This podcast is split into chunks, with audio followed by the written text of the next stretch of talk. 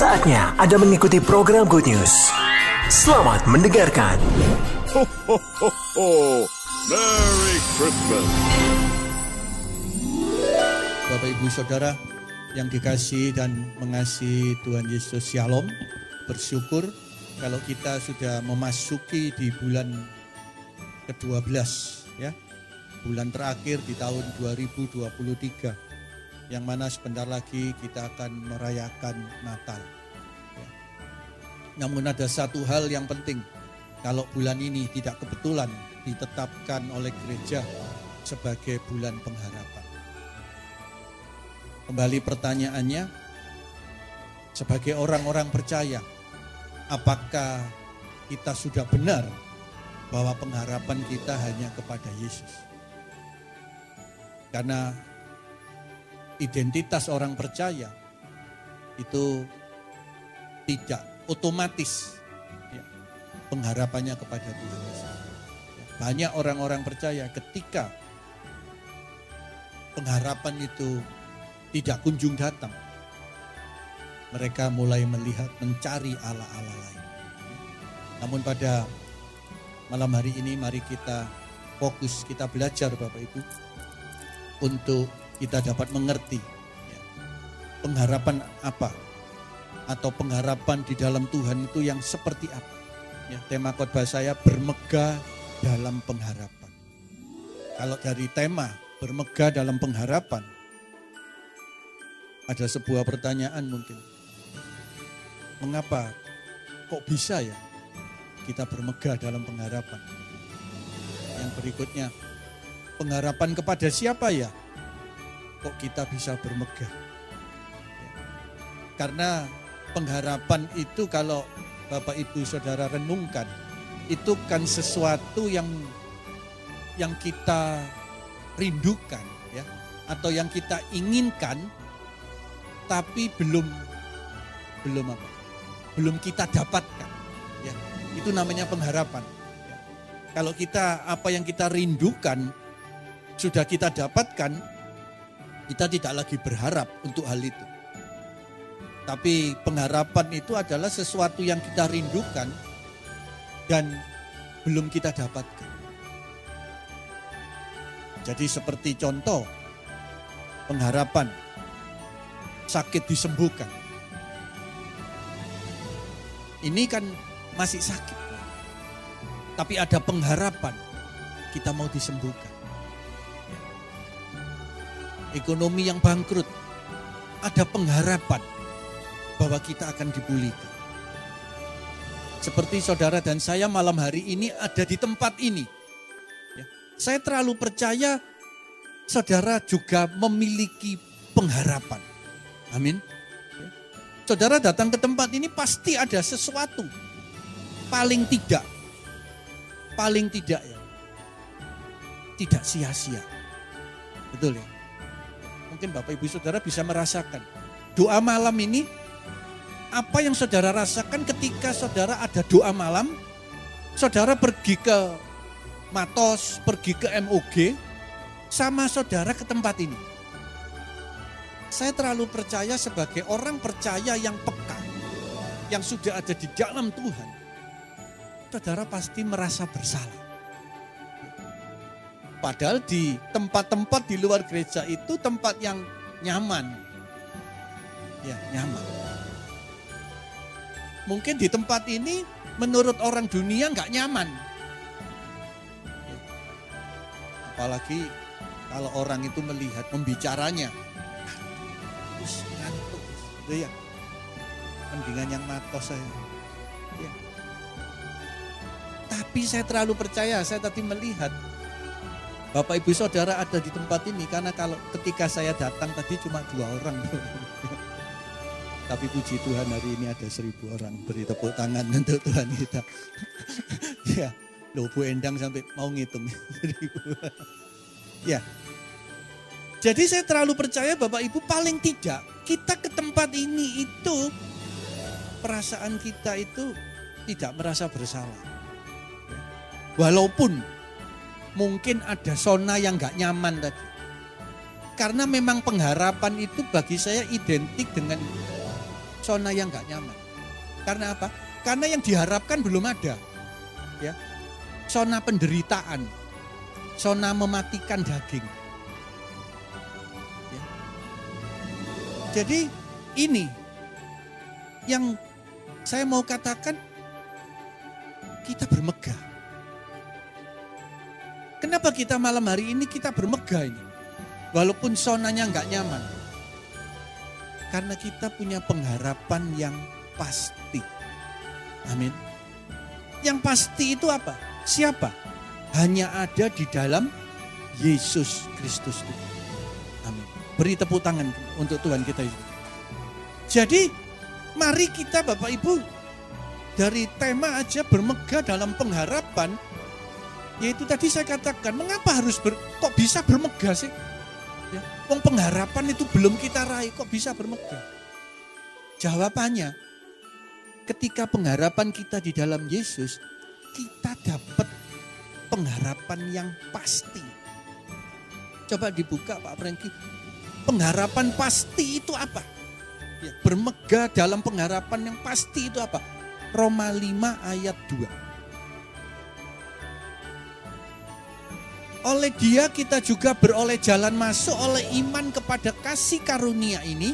Di dalam kasih karunia ini kita berdiri dan kita bermegah dalam pengharapan akan menerima kemuliaan Allah. Dan ini loh, ini yang pasti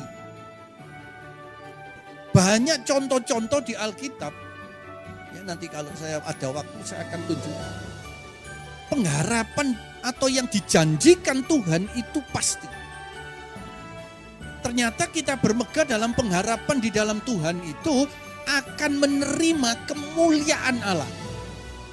Artinya, artinya ketika kita menerima kemuliaan Allah, berarti ketika kita sakit, kita pasti disembuhkan. Amin ketika kita direndahkan, pasti kita ditinggikan.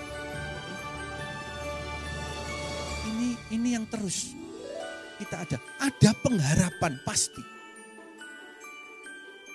Yeremia 17 ayat 7 dan 8. Ayat yang tidak asing. Ya. Diberkatilah orang yang mengandalkan Tuhan dan yang menaruh harapannya kepada Tuhan. Ya. Jadi ini Bapak Ibu coba malam hari ini saya akan pelan-pelan aja. Ya, saya juga akan merenungkan. Mari kita renungkan bersama. Diberkatilah orang yang menaruh harapannya kepada Tuhan. Ia akan seperti pohon di tepi air. Ya, yang akarnya merambat sampai ke tepi batang air. Ia tidak mengalami panas terik. Daunnya tetap hijau ia tidak mengalami tahun kering. Ya. Dan dikatakan apa? Yang tidak pernah berhenti menghasilkan buah. Itu siapa? Itu saudara dan saya, tapi masih ada ada syaratnya. Saudara dan saya yang tadi dikatakan yang menaruh harapannya kepada Tuhan. Jadi jangan sampai salah Bapak Ibu. Kita orang percaya ini harapan kita kita taruh kepada siapa? Kita ibadah ini kita ini berharapnya kepada siapa? Ya. Saya tidak tidak lagi menyinggung orang seseorang enggak, tapi ini contoh. Kita beribadah. Harapannya kita hanya kepada Yesus atau kepada manusia. Kalau aku datang biar aku setor wajah apa sudah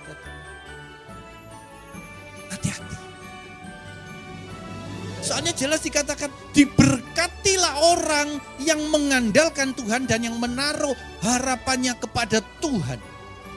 Yang tahu saudara dan Yesus. Orang lain gak tahu. Bahkan di ayat yang kelima, terkutuklah. Yeremia 17 ayat 5. Orang yang mengandalkan manusia, yang mengandalkan kekuatannya sendiri dan yang hatinya menjauh daripada Jadi malam hari ini benar gak pengharapan kita ini hanya kepada Yesus? Dan pengharapan itu saya saya identikan dengan sesuatu yang nggak nyaman, Bapak. Nggak nyaman. Saudara datang doa malam di tempat ini, saya percaya ada sesuatu yang yang berat. Tapi enggak masalah. Kalau pertama berat, enggak masalah. Tapi Tuhan mau kita jangan jadi terus anak kecil. Ya, bertumbuh. Tadi siang saya baru dengar. Saya baru dengar ada seseorang omong-omong saya dengar. Ini kisah nyata. Loh, kamu sekarang pergi gereja? Iya. Loh apa kok yang gereja? Soalnya aku wis nganggur. Sekarang saya sudah nganggur. Saya cuma bayangin. Ya semoga orang itu malam ini nyetel YouTube. Kalau Bu, kata Bu Endang apa? Tersinggung. Ya Roh Kudus. ya. Jadi hati-hati Bapak Ibu. Ya, ini orang percaya. Tapi dia tidak lagi menaruh harapannya kepada Tuhan mengandalkan kekuatan sendiri. Ya. Menjauh daripada Tuhan. Dan sekarang aku nganggur. Tidak ada kerjaannya. Ya sudah aku ke gereja. Tidak apa-apa saudara. Ya, Tuhan itu maha sabar. Tapi ojo terus seperti anak kecil ini tadi. Ya. Tapi harus ada. Pertama memang berat. Seperti doa malam ini berat. Tapi kalau kulino, akhirnya itu saudara sepertinya gini. Kalau nggak doa malam sepertinya kok ada yang kurang. Loh, benar. Ada yang kurang. Jadi mari kita belajar malam hari ini. Bagaimana pengharapan itu. Jangan sampai salah. Jangan sampai salah. Coba dibuka Roma 5 ya. Kita baca ayat 1 sampai 5. Kita baca bersama-sama aja Bapak eh, gantian aja ya. Saya ganjil Bapak Ibu genap ya. Sebab itu kita yang dibenarkan karena iman, kita hidup dalam damai sejahtera dengan Allah oleh karena Tuhan kita Yesus Kristus. Dua.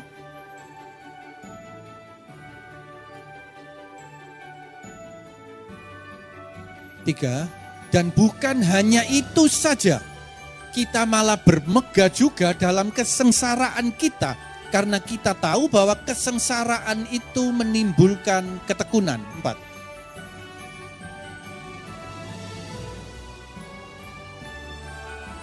Lima, kita baca bersama-sama. Satu, tiga. Dan pengharapan tidak mengecewakan. Karena kasih Allah telah dicurahkan di dalam hati kita oleh Roh Kudus yang telah dikaruniakan kepada kita. Amin. Ya. Bapak Ibu yang dikasihi Tuhan.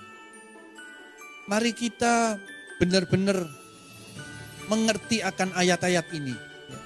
Kalau kita lihat tadi di ayat yang yang pertama. Yang pertama tadi dikatakan Sebab itu kita dibenarkan karena iman, kita hidup dalam damai sejahtera dengan Allah. Jadi ada satu poin.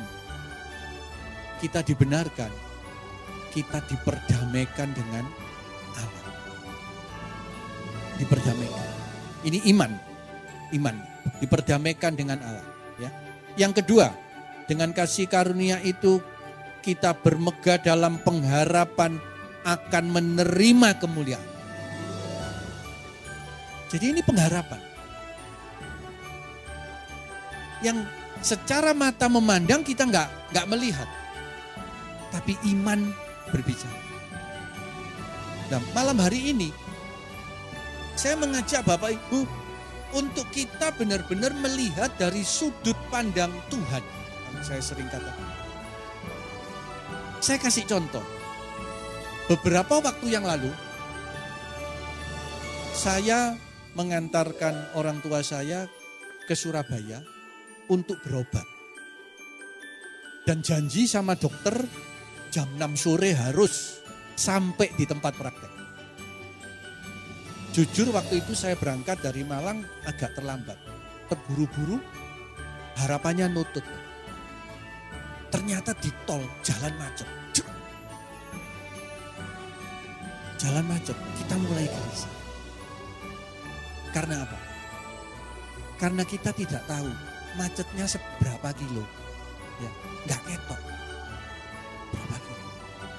Macetnya karena apa? Nggak kelihatan. Kita gelisah. Waduh, gimana ya? Ini nanti kalau terlambat, soalnya dokternya ngomong, jangan terlambat tuh ya. Saya tunggu jam 6 tet. Terus Bapak Ibu tahu, kita melihat Google, kita melihat map, dan map tahu,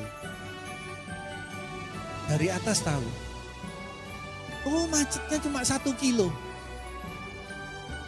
Di map juga kan kita tujukan ke prakteknya dokter. Jam 6 kurang 5 sampai jam. Dan di situ kita mulai nggak gelisah. Karena apa? Karena ada pengharapan. Amin. Karena ada pengharapan. Ketika saya melihat dengan mata saya, saya tidak melihat pengharapan. Tapi ketika map, saya lihat, saya ada pengharapan. Begitu juga kita dengan Tuhan. Kalau dalam hal ini, saudara harus melihat dari sudut pandang map atau peta. Gak bisa saudara, gelisah terus. Begitu juga ketika saudara mengalami sesuatu masalah. Kemacetan ini masalah enggak? Masalah. Mungkin di dalam hidupmu perekonomianmu macet. Ya. Mungkin engkau lagi sakit sehingga gerakmu macet. Hubungan suami istri tidak baik sehingga hubunganmu dengan keluarga macet. Saudara jangan melihat dari sudut pandang saudara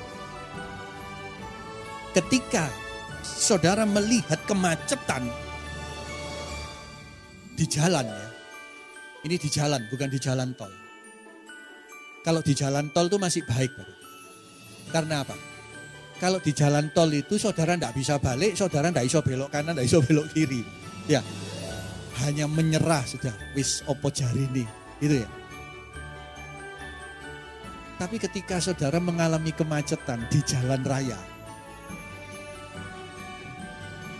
saudara bisa balik. Betul? Saudara bisa muter. Mobil saudara, saudara bisa puter. Wis, gak sido wis, aku tak menggok eh. Atau saudara ndak ndak jadi lewat jalan ini, lewat jalan lain. Nah ini. Bagaimana saudara berpengharapan tadi ketika melihat dengan mata jasmani? Nggak sampai.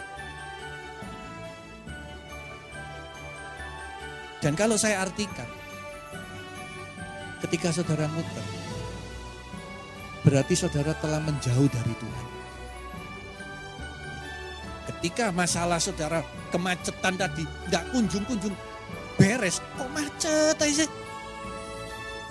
Akhirnya apa? Tuhan Tuhan, balik ayo balik. Atau saudara mencari jalan lain. Ke paranormal, ke dukun. Tapi hendaklah saudara belajar ketika saudara mengalami kemacetan di tol. Saudara tidak bisa ngapa-ngapain. Itu benar. Ya. Beberapa tahun yang lalu ketika ada apa waktu Idul Fitri, ya, kita dengar semua. Banyak yang mati. Kemacetan di tol. Karena apa? Gak bisa minum, gak bisa makan, gak bisa kencing. Kencing gak bisa. Nah di sini loh. Kita harus melihat dari sudut pandang Yesus. Masalah itu pasti ada akhirnya. Ketika kita melihat dari sudut pandang Yesus, kita tahu, oh ada pengharapan. Amin. pengharapan. Jadi akhirnya saudara tenang sudah. Mengandalkan Tuhan, menaruh harapannya kepada Tuhan. Tuhan janji apa? Kamu akan diberkati. Amin. Jadi pilihan kepada setiap kita. Ketika kita tidak pernah lihat dari sudut pandang Yesus, kita nggak pernah tahu loh berapa lama sih. Siapa tahu besok sudah selesai. Atau mungkin satu jam lagi selesai. Ya. Nggak ketok. Saudara menjauh. Tambah nggak selesai. Jadi saya berikan perumpamaan ini, hendaklah kita tahu bermegah dalam pengharapan. Ini pengharapan di dalam Yesus. Pokoknya Yesus. Amin. Pokoknya Yesus. Kena pokok itu kan memang repot ya Bapak Ibu. Ya. Wong itu kena pokoknya. Tapi enggak apa-apa. Kalau pokoknya Yesus. Ya. Jangan seperti yang lainnya. Ya. Pokoknya disalib itu itu kan orang-orang yang golongannya ba, barabas. Ya. Ini harus gak, gak, takut keliru barabas barabas. Pokoknya orang itu harus disalib. Ini repot ya. Tapi pokoknya Yesus itu harus pokoknya Yesus. Bapakku macet-macet pokoknya Jadi pengharapan yang di dalam Yesus tadi saudara. Mengapa bermegah? Karena pasti. Karena pasti. Dan jadi dikatakan sebelum pengharapan itu ternyata ada tahapan-tahapannya. Ketika kita mengalami jalan macet tadi ya. ya jalan macet. Jalan macet ini kan penderitaan. Betul ya? kesengsaraan tadi ya dalam Roma 5 ayat berapa? 3 ya. Kesengsaraan tadi. Nah, bermegah dalam kesengsaraan kita. Ketika tahu kita tahu sekarang pengharapan itu pasti ada. Ternyata ini ada yang harus kita lakukan. Dikatakan apa? Ketekunan. Tekun. Seperti malam ini juga. Bapak Ibu Saudara yang dikasih Tuhan. Malam ini Bapak Ibu termasuk orang-orang yang tekun. Ya benar. Amin. Beri tepuk tangan untuk Bapak Ibu sendiri. ya. Termasuk orang yang tekun. Tidak masalah. Tadi saya katakan, loh gak enak, enakan yang matos. Ya. Tapi karena tekun. Loh karena apa? Loh saya tahu ada pengharapan. Menerima kemuliaan Allah. Berdamai dengan Allah ada sesuatu yang yang saya dapatkan. Selain ketekunan apa? Tahan uji. Jalan macet tadi, tekun. Nantikan. Tekun. Tahan uji. Tahan uji itu apa? Di dalam ketekunan ini Bapak Ibu. Pasti kita diuji. Pasti. Jadi jangan sampai mau kalah ya. Bapak Ibu Saudara yang malam ini hadir, jangan sampai mau kalah. Minggu depan pasti saudara digoda iblis, pasti. Bu ngantuk, ya. Bu males, ya. Terus macam-macam. Tidak tahu pekerjaannya tidak selesai, pekerjaan kantor. Padahal biasanya bisa.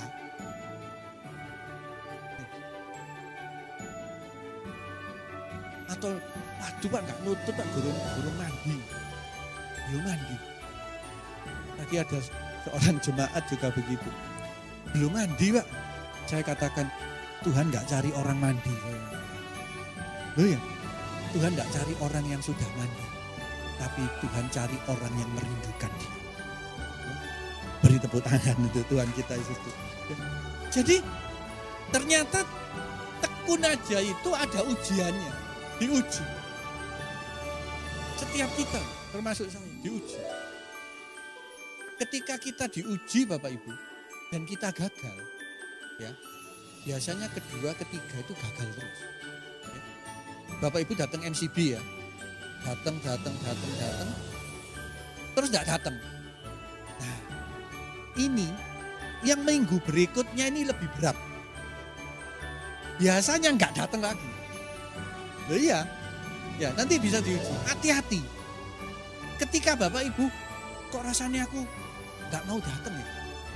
Ingat-ingat, jangan ingat wajah saya tapi ingat wajah firman. Ya, Jangan mau bapak, benar, benar. Jangan mau. Wis biarin, pokoknya aku tak datang. Nanti apa yang Bapak Ibu rasakan. Bukan penderitaan, bukan penyesalan. Percaya. Pulang dari tempat ini, datangnya terpaksa tadi loh ya. Pulangnya itu, ya ini yang dinamakan apa? Bermegah dalam pengharapan tuh ini. Kok bisa bermegah Pak? Lu iya, tiba aku datang MCB tadi, pulang itu aku kok tambah seneng ya. Betul. Nah ini, Jangan mengikuti cara dunia, ikuti cara Tuhan. Dunia. Caci maki orang, sukacita. Betul? Iya, pasti. Apalagi saudara dicaci maki, iso bales caci maki, itu sukacita. Tapi cara Tuhan apa? Ketika saudara dicaci maki, saudara nggak bales, itu sukacita. Lah itu loh yang saya katakan bermegah dalam pengharapan. Karena kita nggak tahu tuh masih pengharapannya kan belum, ya. Cuma kita bilang gini, Loh apa kamu kok di di apa? Dicaci maki diem aja. Karena aku punya pengharapan. Loh apa pengharapanmu? Akan menerima kemuliaan Allah. Beri tepuk tangan untuk Tuhan kita. Ya. Loh ini loh. Jadi saya mikir-mikir ya, terus terang gini, ketika saya dicaci maki, loh, oh aku dimuliakan. Tuh. Ketika saudara sakit, saudara harus berpikir, loh, bakalnya saya dimuliakan loh. Nggak mungkin saya dibuat sakit. Ketika saudara dalam kondisi kemiskinan, keterpurukan, nggak mungkin saudara dibuat pakaian compang camping, nggak mungkin. Karena apa? Janjinya dimuliakan. Amin. Nah ini loh yang saya katakan berulang-ulang bermegah dalam pengharapan Kristus tadi itu, itu. Bermegahnya seperti apa? Ya karena sekarang penderitaan yang sekarang ini menimbulkan ketekunan, menimbulkan tahan uji, dan menimbulkan baru pengharapan. Dan pengharapan yang tidak pernah mengecewakan, yang dicurahkan oleh Roh Kudus di dalam hati kita. Amin. Jadi kembali saya berkatakan, kalau itu pun bisa saudara jalani, itu ayat yang kelima tadi. Itu karena ada roh kudus. Amin. Bukan lagi karena kekuatan saya. Bukan ini. Karena kasih Allah telah dicurahkan dalam hati kita oleh roh kudus yang telah dikaruniakan kepada kita. Jadi mari saudara, responi ini dengan saya renungkan terus bermegah dalam pengharapan. Karena pengharapan itu kan dikatakan Roma 8, 24, 25 itu bahwa pengharapan itu adalah sesuatu yang belum terlihat. Ya, kalau yang terlihat ya bukan lagi pengharapan. Ya, tapi kalau tidak terlihat kita menantikannya dengan tekun seperti itu. Ternyata bermegahnya itu beda gitu. Dengan sudut pandang Tuhan juga dengan sudut pandang manusia. Jadi mari. Seperti hari-hari ini. Pengharapan saudara dan saya itu apa sih sebetulnya? Kan gitu ya. Apa? Saudara mengharapkan apa? Ya, coba dalam hati aja ya. Mungkin ada yang ngomong, wah ya pasti duit pak. Ya, pokoknya duit miliatan sembarang lancar gitu ya. Ternyata enggak. Ya. Banyak orang kaya itu yang sering kata saya katakan juga banyak yang bunuh diri. Ternyata pengharapan yang saudara cari di bumi ini itu damai sejahtera. Damai sejahtera. Dan damai sejahtera itu sudah diberikan kepada kita. Yohanes 14, 27. Damai sejahteraku, ku tinggalkan bagimu. Damai sejahteraku, ku berikan kepadamu. Dan apa yang ku berikan kepadamu beda dengan dunia. Damai sejahteraku ku tinggalkan bagimu, damai sejahteraku ku berikan kepadamu. Dan apa yang ku berikan tidak seperti yang diberikan oleh dunia kepadamu. Janganlah gelisah dan gentar hatimu. Kata-kata dan apa yang kuberikan tidak seperti dunia. Ini Bapak. Damai sejahtera kita yang diberikan Tuhan tidak sama dengan dunia. Tadi sudah saya singgung. Ketika saudara ditampar, saudara bales nampar. Damai sejahtera, itu dunia. Damai sejahteranya Yesus apa? Ditampar gak balas. Pasti Bapak Ibu pernah merasakan. Ketika kita diolok-olok orang. Dan kita tidak merespon. Pasti yang dirasakan bukan kekecewaan. Bukan terus gini. Aduh, tadi tuh aku keliru aku. Tahu gitu tak balas. Bukan. Tapi saudara merasakan damai sejahtera. Puji Tuhan tadi aku kok gak terpancing. Jadi ini damai sejahtera yang dari Allah. Ya seperti tadi yang saya katakan. Mungkin tadi Bapak Ibu Saudara ke sini terpaksa. Tapi nanti rasakan di. Pasti tidak ada kekecewaan. Amin.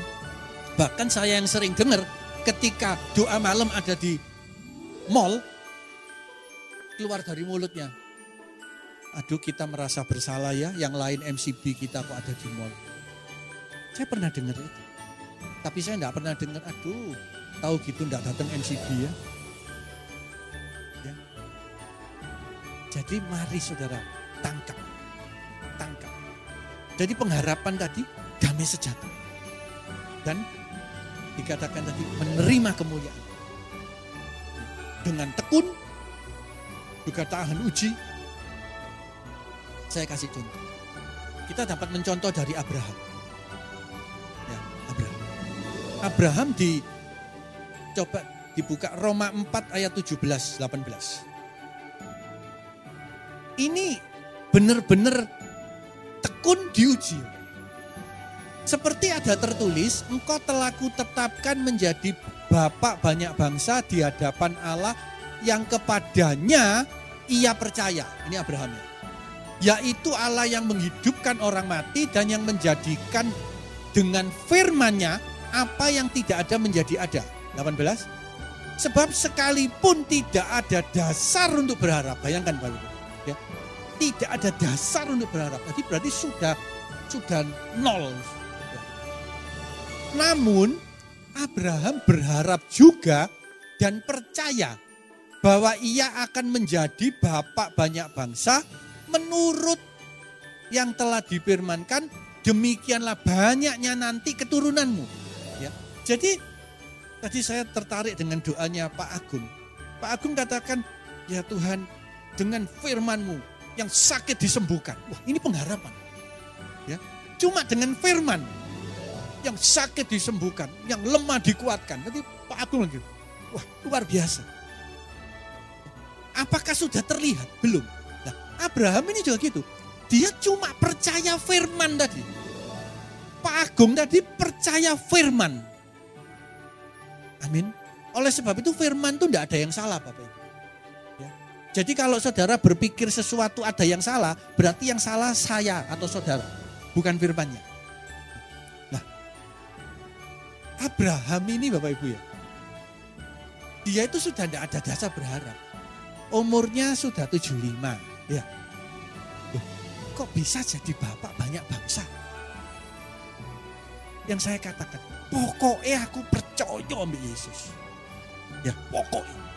Jadi malam ini apa pun yang saudara alami, saudara berani mengatakan, pokoknya aku percaya ambil firmanmu. Tuhan Yesus. Amin. Ya.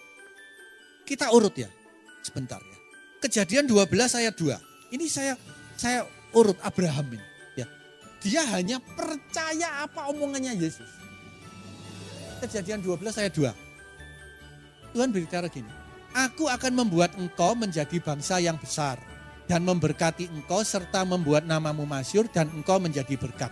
Aku akan membuat engkau menjadi bangsa yang besar. ya Bangsa yang besar. Ayat 7. Ayat 7 dikatakan lagi apa? Ketika itu Tuhan menampakkan diri kepada Abram dan berfirman, Aku akan memberikan negeri ini kepada keturunanmu. Ya, jadi ini lebih jelas lagi. Bukan hanya bangsa yang besar, tapi keturunanmu. Ya. Maka didirikannya di situ mesbah bagi Tuhan yang telah menampakkan diri kepadanya. Nah, ini perjalanan Abraham. Terus 25 tahun kemudian. Ini kan umur 75. 25 tahun kemudian umur 100 itu di kejadian 21 ayat 2. Jadi 9 pasal berikutnya atau 25 tahun berikutnya maka mengandunglah Sarah. Ya. Dari pertama aja kita bisa bisa meneladani Abraham. Mungkin tahun kelima, tahun ke sepuluh, aduh kok kok gak ada tanda-tanda gitu ya.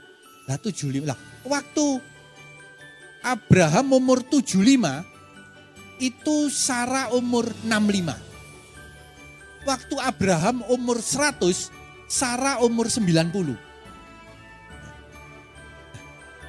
Tapi dia menantikan, dia cuma percaya tadi di dalam Roma tadi. Ya.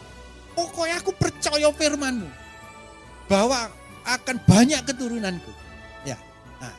Di ayat yang ke-21 tadi mengandunglah Sarah. Ya. Nah, ternyata ini ketekunan Bapak Ibu. Bicara ketekunan. Ya, ketekunan ini. 25 tahun ini butuh tekun. Tekun. Akhirnya tercapai. Tapi tidak berhenti sampai di situ. Di dalam kejadian 22 ayat 2. Kejadian 22 ayat 2. Ya, tadi 21, ini 22 ayat 2. Firmanya, ambillah anakmu yang tunggal itu yang engkau kasih yakni Ishak pergilah ke tanah Muria dan persembahkanlah dia di sana sebagai korban bakaran pada salah satu gunung yang kukatakan kepadamu. Bapak Ibu bisa bayangkan ya. ya. Dia sudah menunggu 25 tahun saya nggak tahu, cuma tadi saya hanya baca-baca mencari ya. Kira-kira umur Ishak waktu diserahkan tuh maksimal, maksimal umur 37. Karena apa? Karena Sarah meninggal umur 127.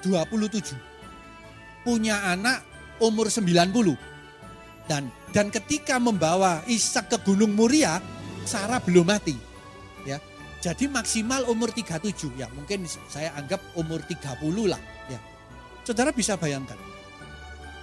Tuhan menjanjikan keturunan sudah punya anak satu sudah dipelihara umur 30. Ya, sebentar lagi mau merit akan beranak pinak, beranak cucu. Disuruh ngorbankan Bapak Ibu. Jadi tadi ketekunan sekarang diuji tahan uji enggak? Diuji Abraham.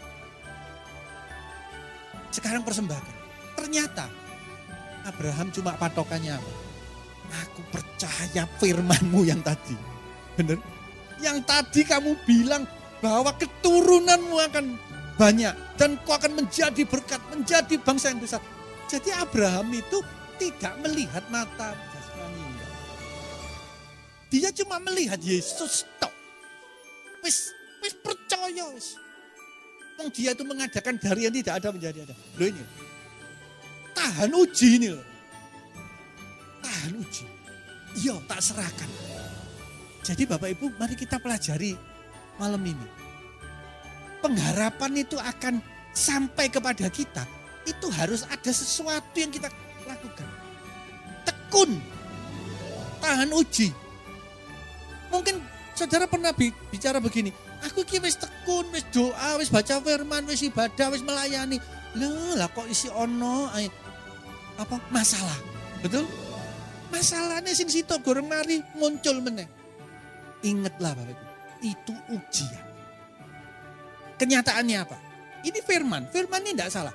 Kenyataannya ketika Abraham menyerahkan, ya, kan nggak jadi, ya, digantikan domba.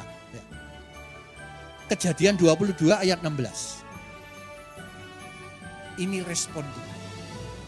Katanya, aku bersumpah demi diriku sendiri. Demikianlah firman Tuhan, karena engkau telah berbuat demikian Abraham, dan engkau tidak segan-segan untuk menyerahkan anakmu yang tunggal kepadaku, 17, maka aku akan memberkati engkau berlimpah-limpah dan membuat keturunanmu sangat banyak seperti bintang di langit dan seperti pasir di tepi laut dan keturunanmu itu akan menduduki kota-kota musuhnya. Beri tepuk tangan untuk Tuhan kita Yesus Kristus. Haleluya. Jadi ini saudara, perjalanan. Perjalanan. Dan ayat 18, saya lanjutkan 22. Oleh keturunanmu lah semua bangsa di bumi akan mendapat berkat karena engkau mendengarkan firmanku. Jadi bermegah dalam pengharapan kembali. Mengapa kita bermegah? Karena pengharapannya pasti di dalam Yesus Kristus. Pasti. Damai sejahtera pasti. Damai sejahtera itu melingkupi banyak loh. Ya. ya sehat, ya punya uang, ya keluarganya baik-baik, ya anaknya pinter-pinter, ayu-ayu, ganteng-ganteng gitu ya. Wis pokoknya damai sejahtera ya. Ganteng ayu itu kan relatif ya. Ya kan mungkin nurut orang jelek, nurut kita ayu kan ya bisa gitu ya. Relatif. Jadi tidak ada patokannya. Tapi kita ada damai sejahtera. Jadi pada malam hari ini, ini yang akan saya bagi, yang sudah saya bagi. Ya. Bagaimana pengharapan yang tidak mengecewakan itu sampai kepada kita. Ya, mungkin hari-hari ini saudara yang saudara harapkan nggak sampai-sampai. Kok pancet aja? Mungkin saudara kurang tekun. Mungkin saudara sudah tekun. Tapi ketika diuji, saudara tidak kuat. Ketika men, menghadapi jalan macet tadi, saudara balik arah. 10 menit sudah tekun. Ya wis tak tunggu 10 menit. Kok belum jalan? Wis setengah enam, setengah enam. Setengah enam kalau nggak jalan, aku balik. Pertama tekun. Akhirnya nggak tahan uji. Jadi bukan pengharapannya yang nggak ada. Tapi pengharapan itu pasti tinggal kita Bapak. Di dalam Ibrani 10 ayat 36 dikatakan begini, sebab kamu memerlukan ketekunan supaya sesudah kamu melakukan kehendak Allah, kamu akan memperoleh apa yang dijanjikan